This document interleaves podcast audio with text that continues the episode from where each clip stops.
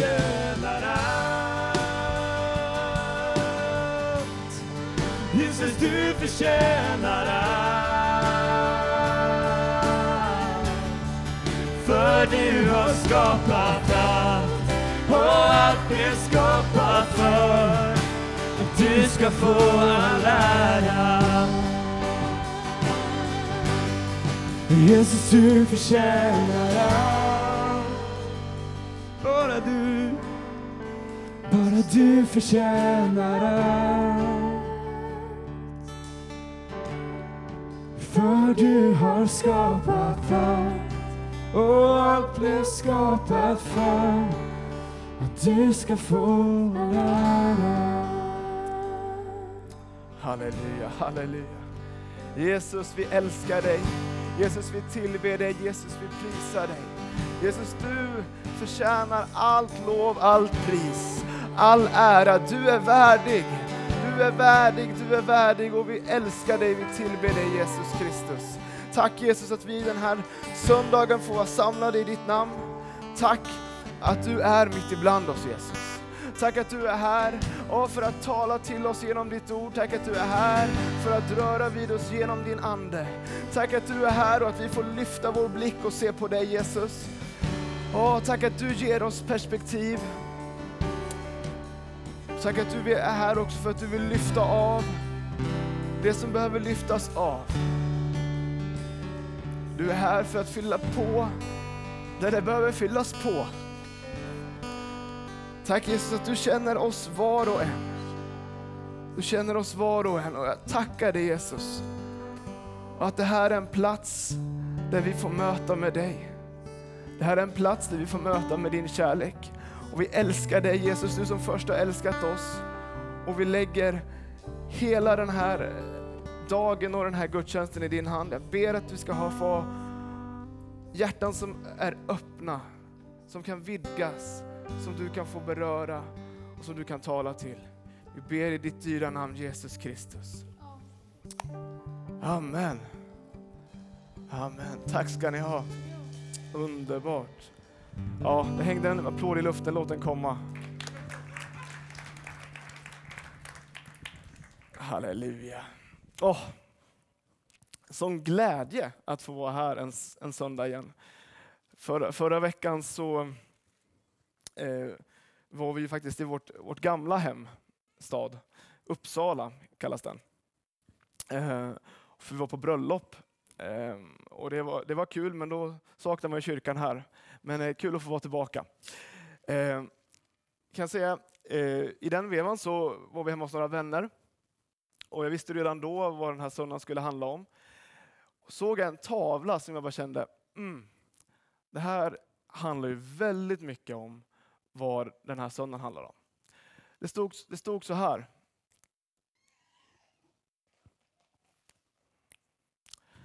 Bloom where you are planted. Stod det. Visst var den fin? Uh, det, exakt. Bloom where you are planted betyder att du blomstrar där du är planterad. Det här är ju jätte Eh, basic någonstans. Men ibland så ligger det väldigt mycket djupt och sant i det som är enkelt.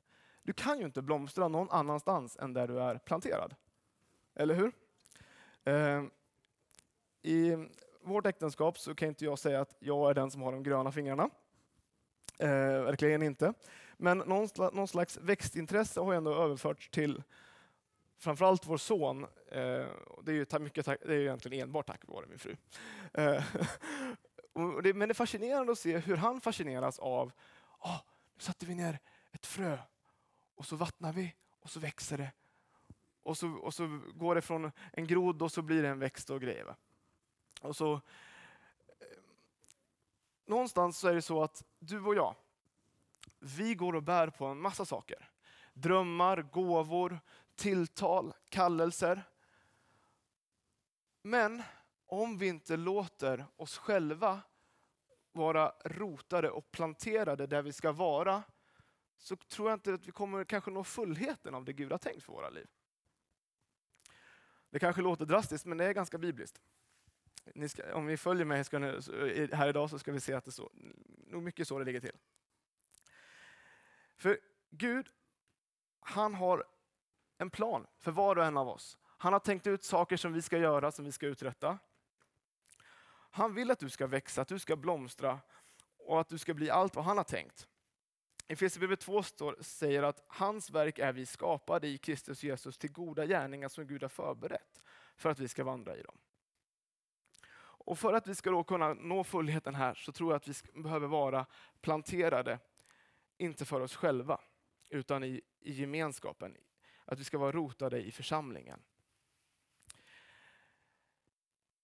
Och själva, själva eh, vad ska man säga, då grundbibelordet för den här tanken att vi ska vara planterad i församlingen som är temat för idag. Ehm, är, hämtas då från Saltaren 92. Så om du har en bibel får du gärna slå upp den eller så får du titta på en skärm.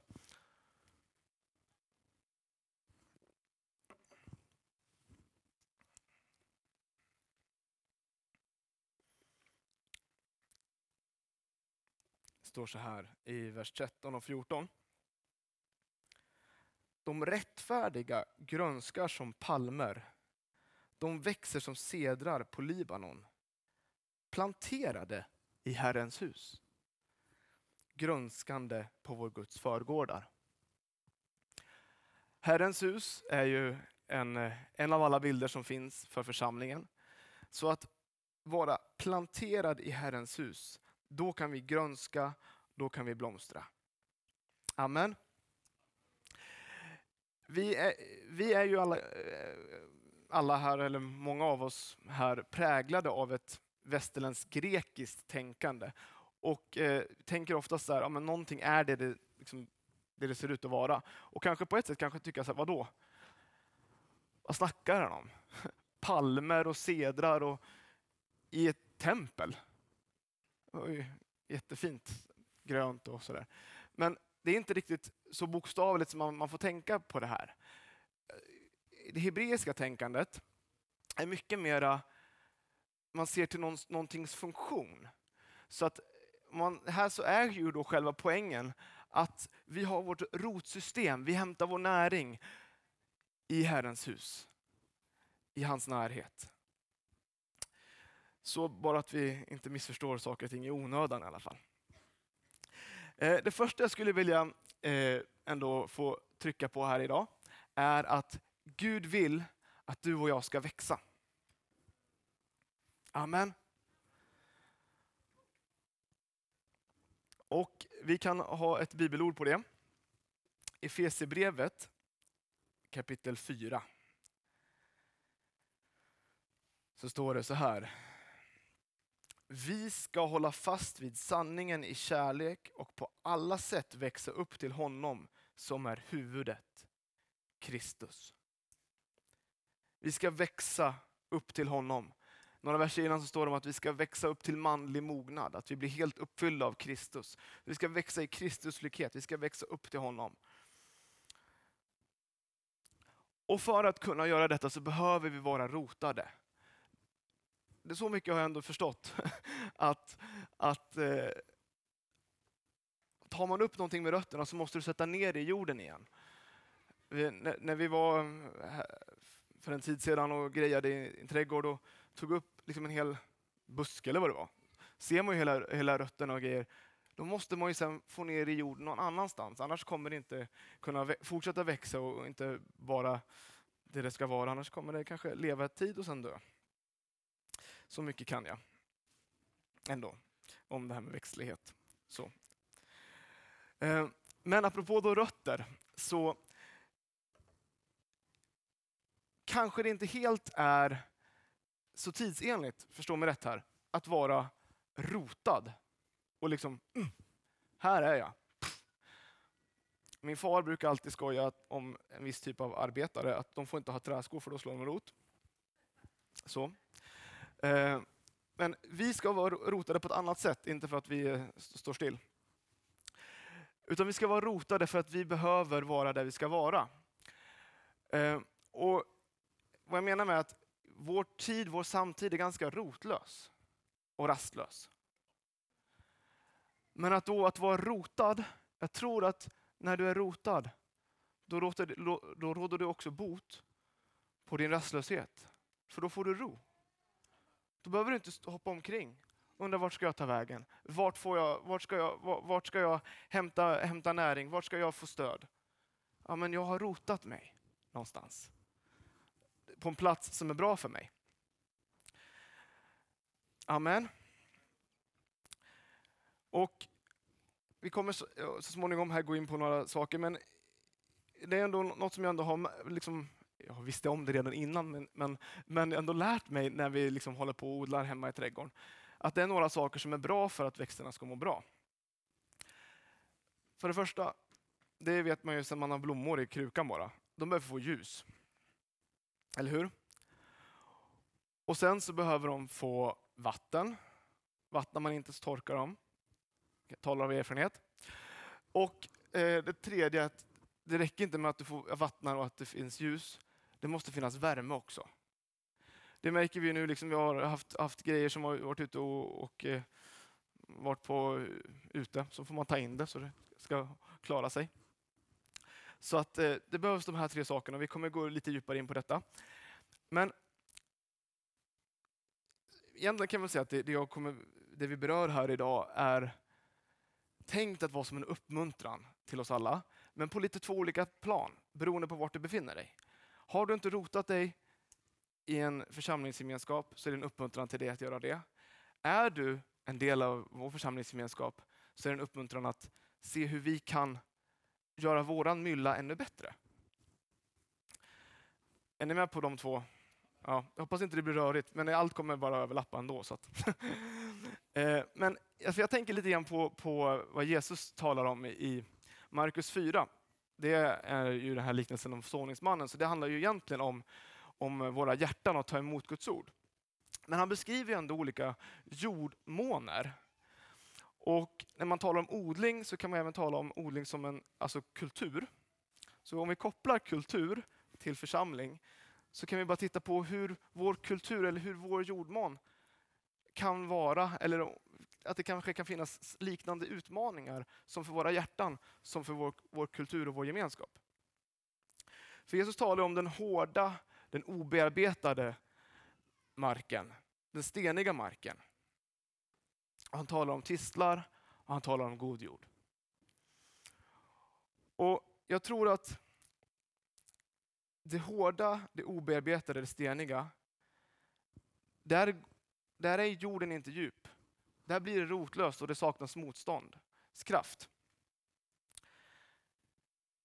Och varför, varför blir, kan då kulturen eller gemenskapen hårdna? Jo, om det finns oförlåtelse, besvikelse, bitterhet eller stolthet. Tisslar då? Om vi inte känner att mitt problem är inte, inte det här första. Ja, men tisslar, det är bekymmer eller problem. Jag tänker i församlingsliv så kanske det till och med kan vara bra saker. Verksamheter som vi, som vi ägnar oss åt. Men som kanske i slutändan distraherar oss från att verkligen ägna oss åt det allra viktigaste. Den goda jorden, där är allt rensat och där finns det ljus, vatten och värme.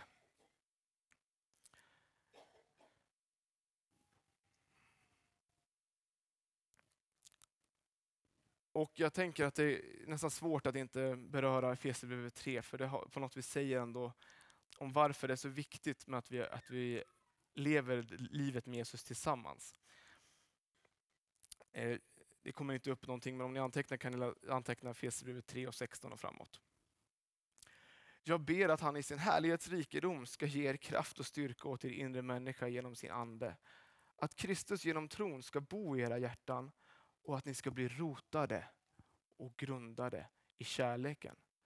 Då ska ni tillsammans med alla de heliga kunna fatta bredden och längden och höjden och djupet och lära känna Kristi kärlek som går långt bortom all kunskap. Så ska ni bli helt uppfyllda av all Guds fullhet. Han som kan göra långt mycket mer än allt vi ber om eller tänker oss genom den kraft som verkar i oss. Hans är han i församlingen och i Kristus Jesus genom alla generationer i evigheters evighet. Amen. Tänk, det är tillsammans med alla de heliga som vi kan få lära känna fullheten av Kristi kärlek. Och församlingen är till för att ära Gud. För det är bara tillsammans med alla de heliga som vi på allvar kan rotas i och lära känna Jesus och hans kärlek. Men låt oss då titta på de här tre sakerna. Ljus kan vi börja med. Ljus, det är Guds ord. Det får, till att börja med. Att vi låter våra liv få upplysas av Gud. Och när hans ord får kasta ljus över våra liv så kommer allting i det dag det ska komma. Då får vi perspektiv och då kan det vara så att när vi läser Bibeln så är det egentligen Bibeln som läser oss. Att det blir att, okej, okay, om du Gud är min far och vill att dina egenskaper ska avspeglas i oss med dina barn, då behöver jag ju ändra på det här. Men det här kräver också att vi verkligen lever i öppenhet och ärlighet. Och Det skulle jag säga, börja med att vi har det kanske gentemot oss själva. Det är en grundförutsättning för att kunna vara ärlig mot någon annan. Att vi inte lever i förnekelse, utan vi verkligen låter ljuset få bada våra liv. Men också att vi har en öppenhet och ärlighet, då givetvis mot Gud. Att när vi läser hans ord så vi, låter vi hans ord tala och tystar inte det, vi blundar inte för det vi ser.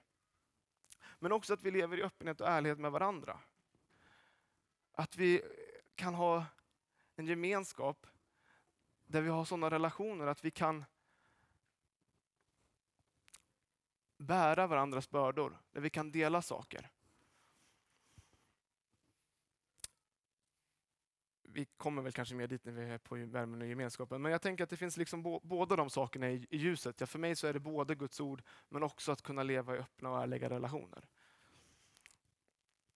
Sen det andra som, vi, som eh, man behövde som sagt, det var efter ljus kom vatten. Och för oss är vattnet den helige Ande. Det är väldigt bra med vatten när man är törstig. Och Det står så här i Jesaja 44 och vers... Äh, vänta nu, jag hoppade över ett bibelord, det var dumt. Eh, till ljuset här, om Guds ord, så ska vi läsa bara första Johannes 1. Eh, som ändå sammanfattar detta också med ljus och Guds ord. Och gemenskap. Men om vi vandrar i ljuset, liksom han är i ljuset, då har vi gemenskap med varandra och Jesu, hans sons blod, renar oss från all synd. Någon har sagt att det är bara så långt vi låter ljuset träffa våra hjärtan, det är bara så långt som också vi kan bekänna vår synd och låta blodet komma in och rena.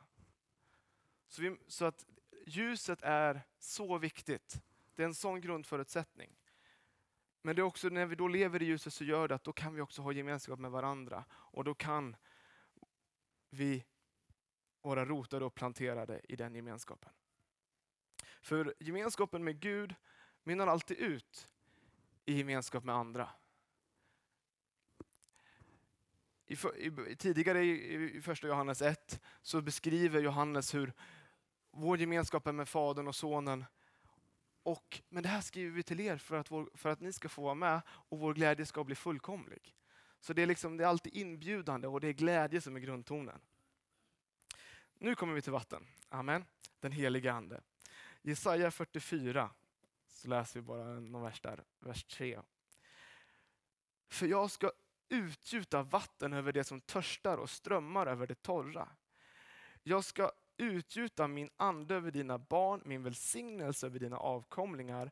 Så att vad då? Jo, så att de växer upp bland det gröna gräset som pilträd vid vattenbäckar. Halleluja. Så vi behöver leva i ljuset och vi behöver få leva med den helige Ande. När kyrkan föddes på pingstdagen, det var ju då samtidigt som den helige Ande föll. Och om man liksom tittar i apostlagärningarna så den helige Ande och kyrkan, det går liksom inte att sära på dem riktigt. Så när vi talar om gemenskap med den helige Ande så leder det ju alltid till gemenskap med andra. Tror vi på Andens gåvor? Men visst på något vis förutsätter de gemenskap också. Men du, det är inte så där jättestarkt i längden att bara sitta på ditt rum och profetera över dig själv. Utan hela poängen med dem är ju att vi ska bygga upp varandra i kärlek. Och då kärlek? Det står ingenting om kärlek i nådegåvorna. Jo då. Kapitel 12 i första Korinthierbrevet handlar om nådegåvorna. Kapitel 13 förklarar nådegåvorna, kärlek och fortsätter sen i kapitel 14. Så, Andens liv är till för att vi ska bygga upp varandra i kärlek.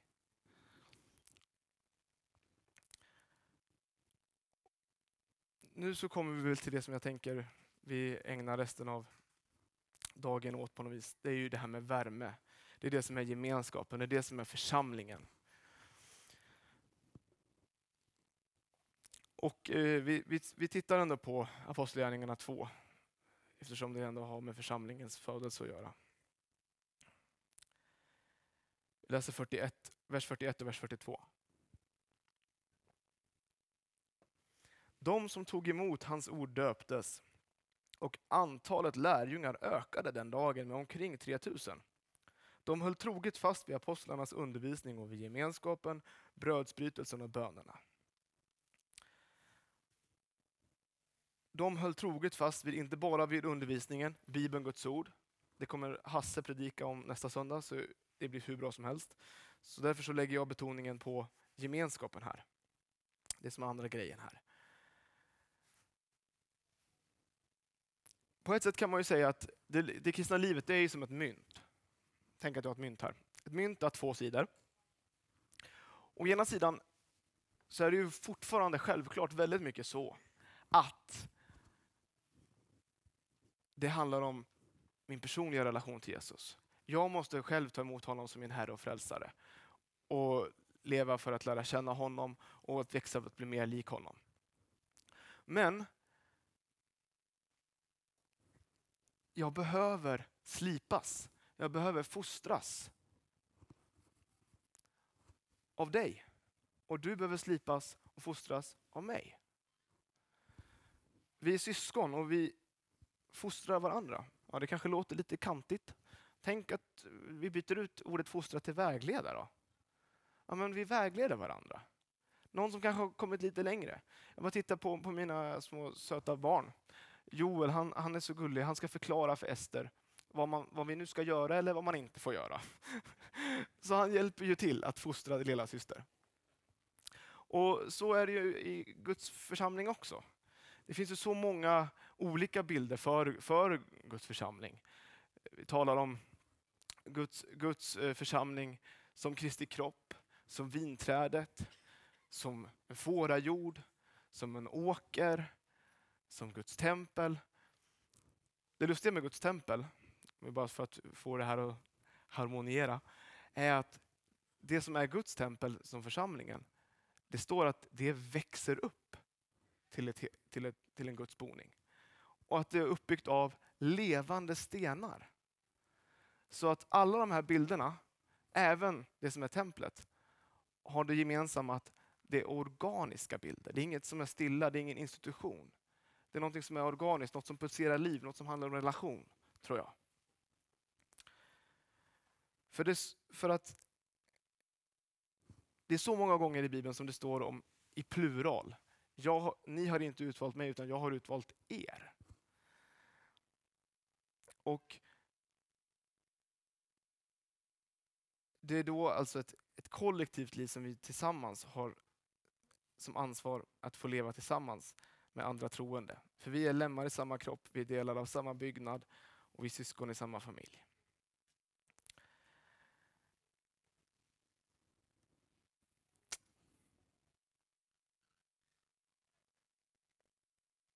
Vi kan läsa Efesierbrevet 4 och vers 16.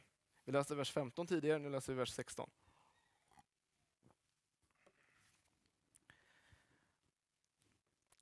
Står det så här. Av honom fogas hela kroppen samman och hålls ihop genom det stöd som varje led ger.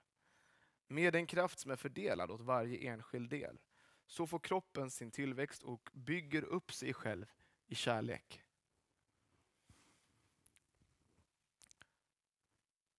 Varje del ger styrka åt helheten. Amen. Varje del ger styrka åt helheten. Verserna innan här så står det om hur det delas ut gåvor till olika tjänstegåvor till, till eh, apostlar, profeter, lärare, evangelister och, och eh, herdar. Men deras uppdrag är att utrusta de heliga till att bygga upp Kristi kropp. Så det är inte liksom pastorer och andra eh, superapostlar och profeter som ska bygga upp kroppen, utan det är vi själva. Vi ska bygga upp kroppen. Vi, vi blir utrustade, men för att vi ska bygga upp kroppen. Och här, min vän, så är det så att vi alla har någonting att bidra med. Eller hur? Vi har alla något att bidra med. Och då kanske jag inte pratar primärt om, oh, någon kan vara ljudkille, någon kan vara välkomstteam och någon kan eh, spela gitarr. Det är jättebra att vi gör det och bidrar på det sättet också. Men jag tror att vårt största bidrag är i relation med varandra. Eh, för man är ju som väldigt tacksam för en Hasse. Han, en Hasse kan man komma till och säga, du, det här, det här är lite kämpigt, skulle vi kunna be för det här? Då bygger vi upp varandra i kärlek. Men något som är väldigt fint med en, som en Hasse också, är att man kanske inte ens behöver säga du det här är kämpigt, kan vi be för det här? Utan vi bara ber och så börjar han, ledd av anden, be för saker som, tack Jesus, det var precis det här jag behövde.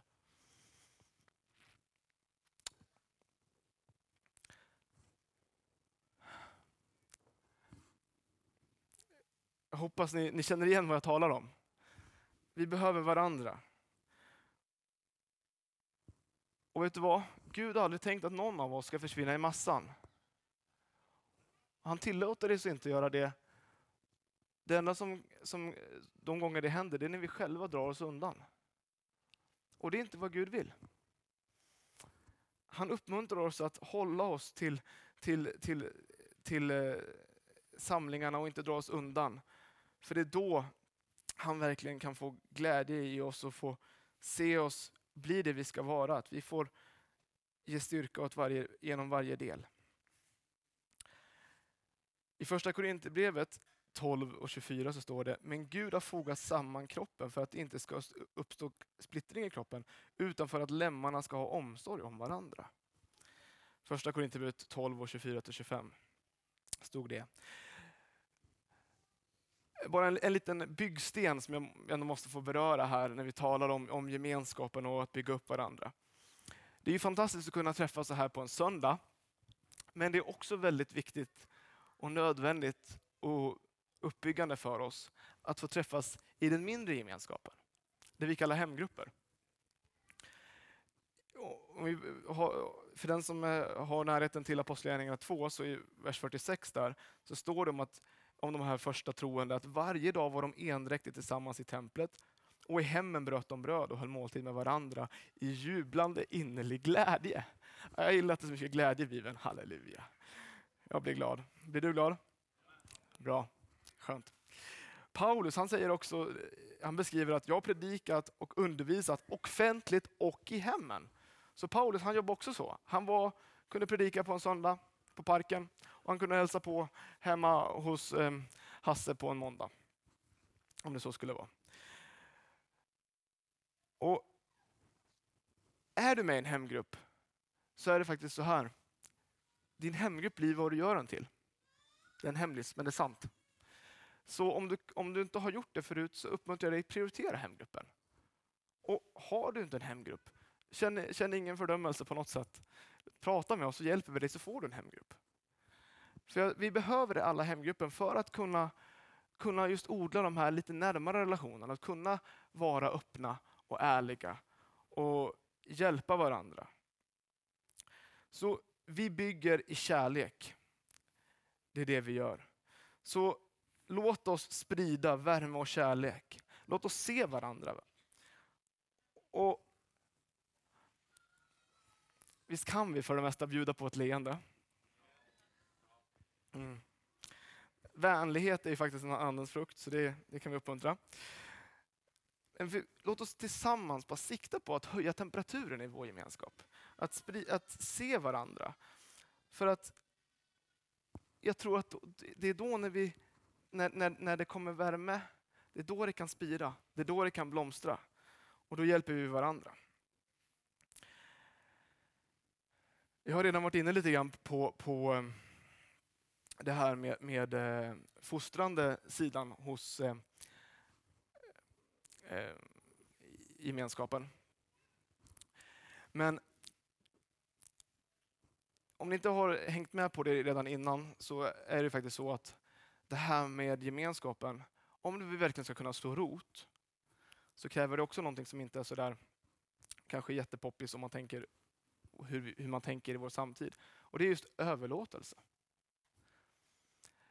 Vår tid är ju sådär, man, man kanske är hellre sambo än gifter sig.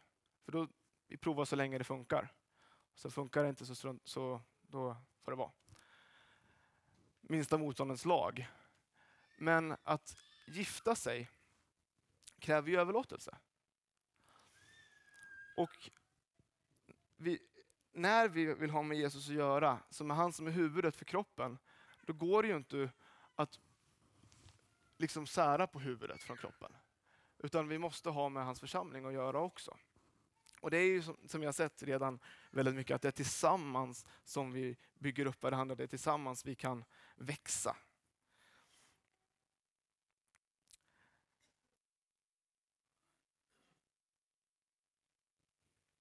För att en sida som uppstod i vad ska jag säga, syndafallet tror jag, är ju att vi vill vara vår egen Herre.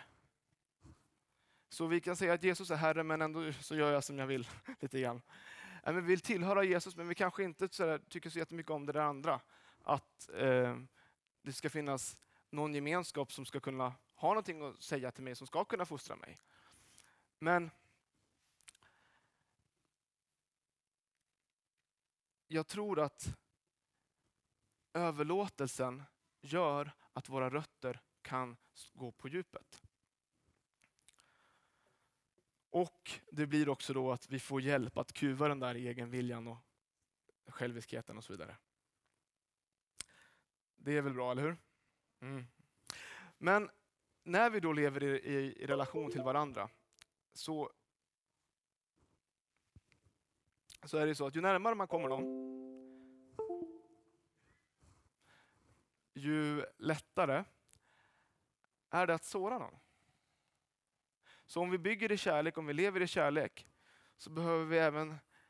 Det går inte att leva i kärlek utan att leva i förlåtelse. I Efesierbrevet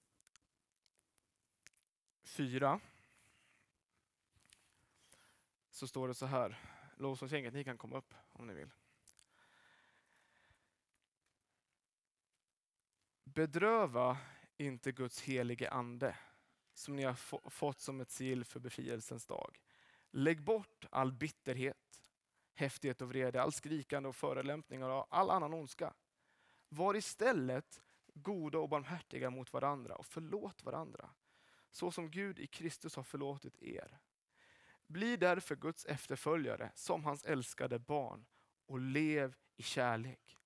Så som Kristus har älskat oss och utgett sig själv för oss som en offergåva ett väldoftande offer åt Gud.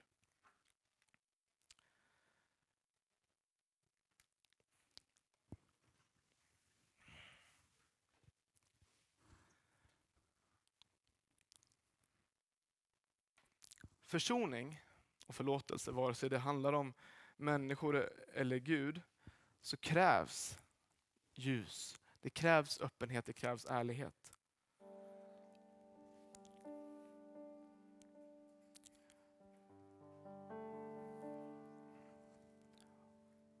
Och jag tror att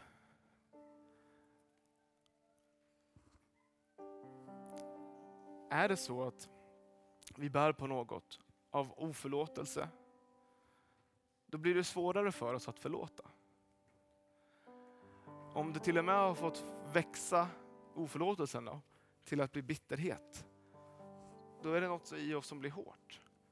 Något som blir lite bedövat. Och vi varken kan riktigt se människor eller vara känsliga för andens ledning heller. Och det här säger jag inte på något vis för att, för att döma någon av oss. För vi behöver alla se över, se över våra hjärtan hela tiden. Men vi bara, jag vill bara uppmuntra dig att ta fasta på de här orden. Om du har något, något att förlåta någon, gör det. Uppriktigt och av hjärtat. Så att kärleken kan få flöda och vi kan få bygga upp varandra i kärlek. Att ingenting ska få vara i vägen. Vi kan stå upp tillsammans.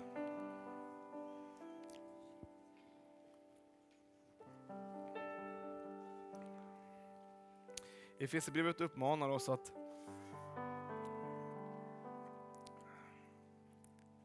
att inte bedröva anden.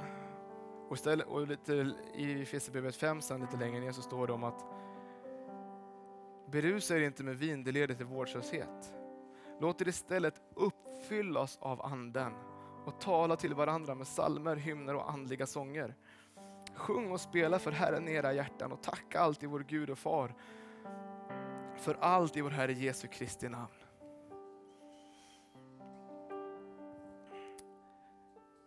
När vi lever i överlåtelse, när vi lever i förlåtelse och självklart, är det något som du själv inser att ja, men jag behöver be Gud om förlåtelse, så har vi läst att ja, men då, om vi bekänner vår synd så är han trofast och rättfärdig så att han förlåter oss våra synder och renar oss från all orättfärdighet.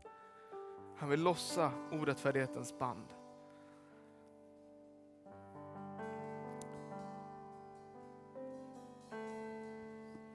Att lever vi överlåtelse och förlåtelse, då kan vi också få bli uppfyllda av anden på nytt. Och jag, jag bara tror att är det så att du är, du är här idag och du bara känner, åh, jag behöver, jag törstar, jag är törstig. Så vill den heliga Ande komma och skölja friskt vatten, frisk olja över dig här. Jag vill bara sluta här med att eh, läsa från Jesaja 61, vers 1-4 först och sen kommer vers 11 upp på, på skärmen här. Det här är ju egentligen Jesu den programförklaring kan man säga, den profetia han citerar i Lukas 4 innan han börjar sin tjänst. Och vi som är hans kropp, vi fortsätter göra det han har gjort. Han är den gode herden och vi är kallade att få vara herdar där vi, där vi lever, där vi går fram. Så om du behöver upp, bli upplivad eller uppfylld av Herrens ande så bara ta till dig av de här orden. Det står så här. Herren, Guds ande är över mig. För Herren har smort mig till att förkunna glädjens budskap för de ödmjuka. Han har sänt mig att förbinda de som har förkrossade hjärtan, att utropa frihet för de fångna och befrielse för de bundna att förkunna ett nådens år från Herren och en hämndens dag från vår Gud, att trösta alla sörjande, att ge de sörjande i Sion huvudprydnad istället för aska, glädjens olja istället för sorg, lovsångsdräkt istället för en modfälld ande. Och de ska kallas rättfärdighetens terebinter, planterade av Herren till hans förhärligande. Och så vers 11. För liksom jorden låter sina växter spira fram och en trädgård låter sin sådd växa upp, så ska Herren Gud låta rättfärdighet och lovsång växa upp inför alla folk. Amen. Amen. Så jag tänkte bara, vi, vi slutar här med att vi bara stämmer upp i lovsång. Men under det att vi prisar Gud, om du känner att ja, men jag, jag kanske har dragit mig undan eller jag har inte velat riktigt överlåta mig till församlingsgemenskapen. Där du står, bara låt det få bli en sak mellan dig och Gud. Men är det så annars att du också känner, ja men oj, jag behöver förlåta eller jag behöver bli förlåten. Och du skulle känna att jag skulle vilja ha hjälp i förbön så finns förbönsteamet och hederteamet där framme. Så kan vi hjälpa dig att be. Och, eller är det att du känner, ja men jag behöver, det var ett tag sedan jag blev uppfylld av anden, jag behöver, jag behöver bli upplivad, jag behöver bli påfylld. Eller jag behöver få mina eh, nådegåvorna, de, har, de är inte verksamma, de behöver få blåsa nytt liv i dem. Ja, så eh, när jag bett inför den här dagen så är det som att jag tror att Gud vill göra saker. Han vill få rensa undan det som är hårdhet och han vill vattna, han vill fylla på med sin ande. Så om du vill ha förbön för något av det så är du jättevälkommen fram. Annars så vi bara prisa Gud tillsammans. Vi bara ber en bön först. Halleluja, halleluja, halleluja, halleluja. Far, jag tackar dig i Jesu namn att vi får vara planterade i din församling. Att vi får vara en del av ditt folk, av din familj, av din kyrka. Tack Jesus att vi får vara en del av din kropp. Och Jesus, jag ber att du verkligen ska vara din kärlek som råder i våra hjärtan, som råder i vår gemenskap Jesus. Låt oss få leva i kärlek och förlåtelse. Låt oss få bygga upp varandra i kärlek. Tack helige Ande att du är given till oss som troende för att bygga upp varandra, för att hjälpa varandra och stötta varandra. Och jag prisar dig Gud, och att du håller våra liv och du håller din församling i din hand. Prisa dig och tacka dig Fader att du också den här stunden vill låta Ja, din helige Andes strömmar av liv, den helige Andes vatten får skölja över oss. I Jesu namn. Kom, kom helige Ande, kom helige Ande. Utför ditt verk. I Jesu namn.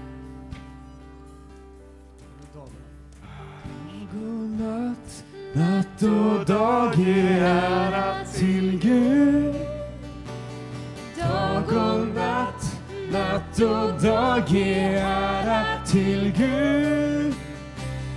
Dag och natt, natt och dag ge ära till Gud. Dag och natt, natt och dag ge ära till Gud. Dag och natt, ja, natt och dag ge ära till Gud. Dag och natt, natt och dag ge ära till Gud. Dag och natt, dag och natt, natt och dag ge ära till Gud. Dag och natt, natt och dag ge ära till Gud. Jesus, du förtjänar allt.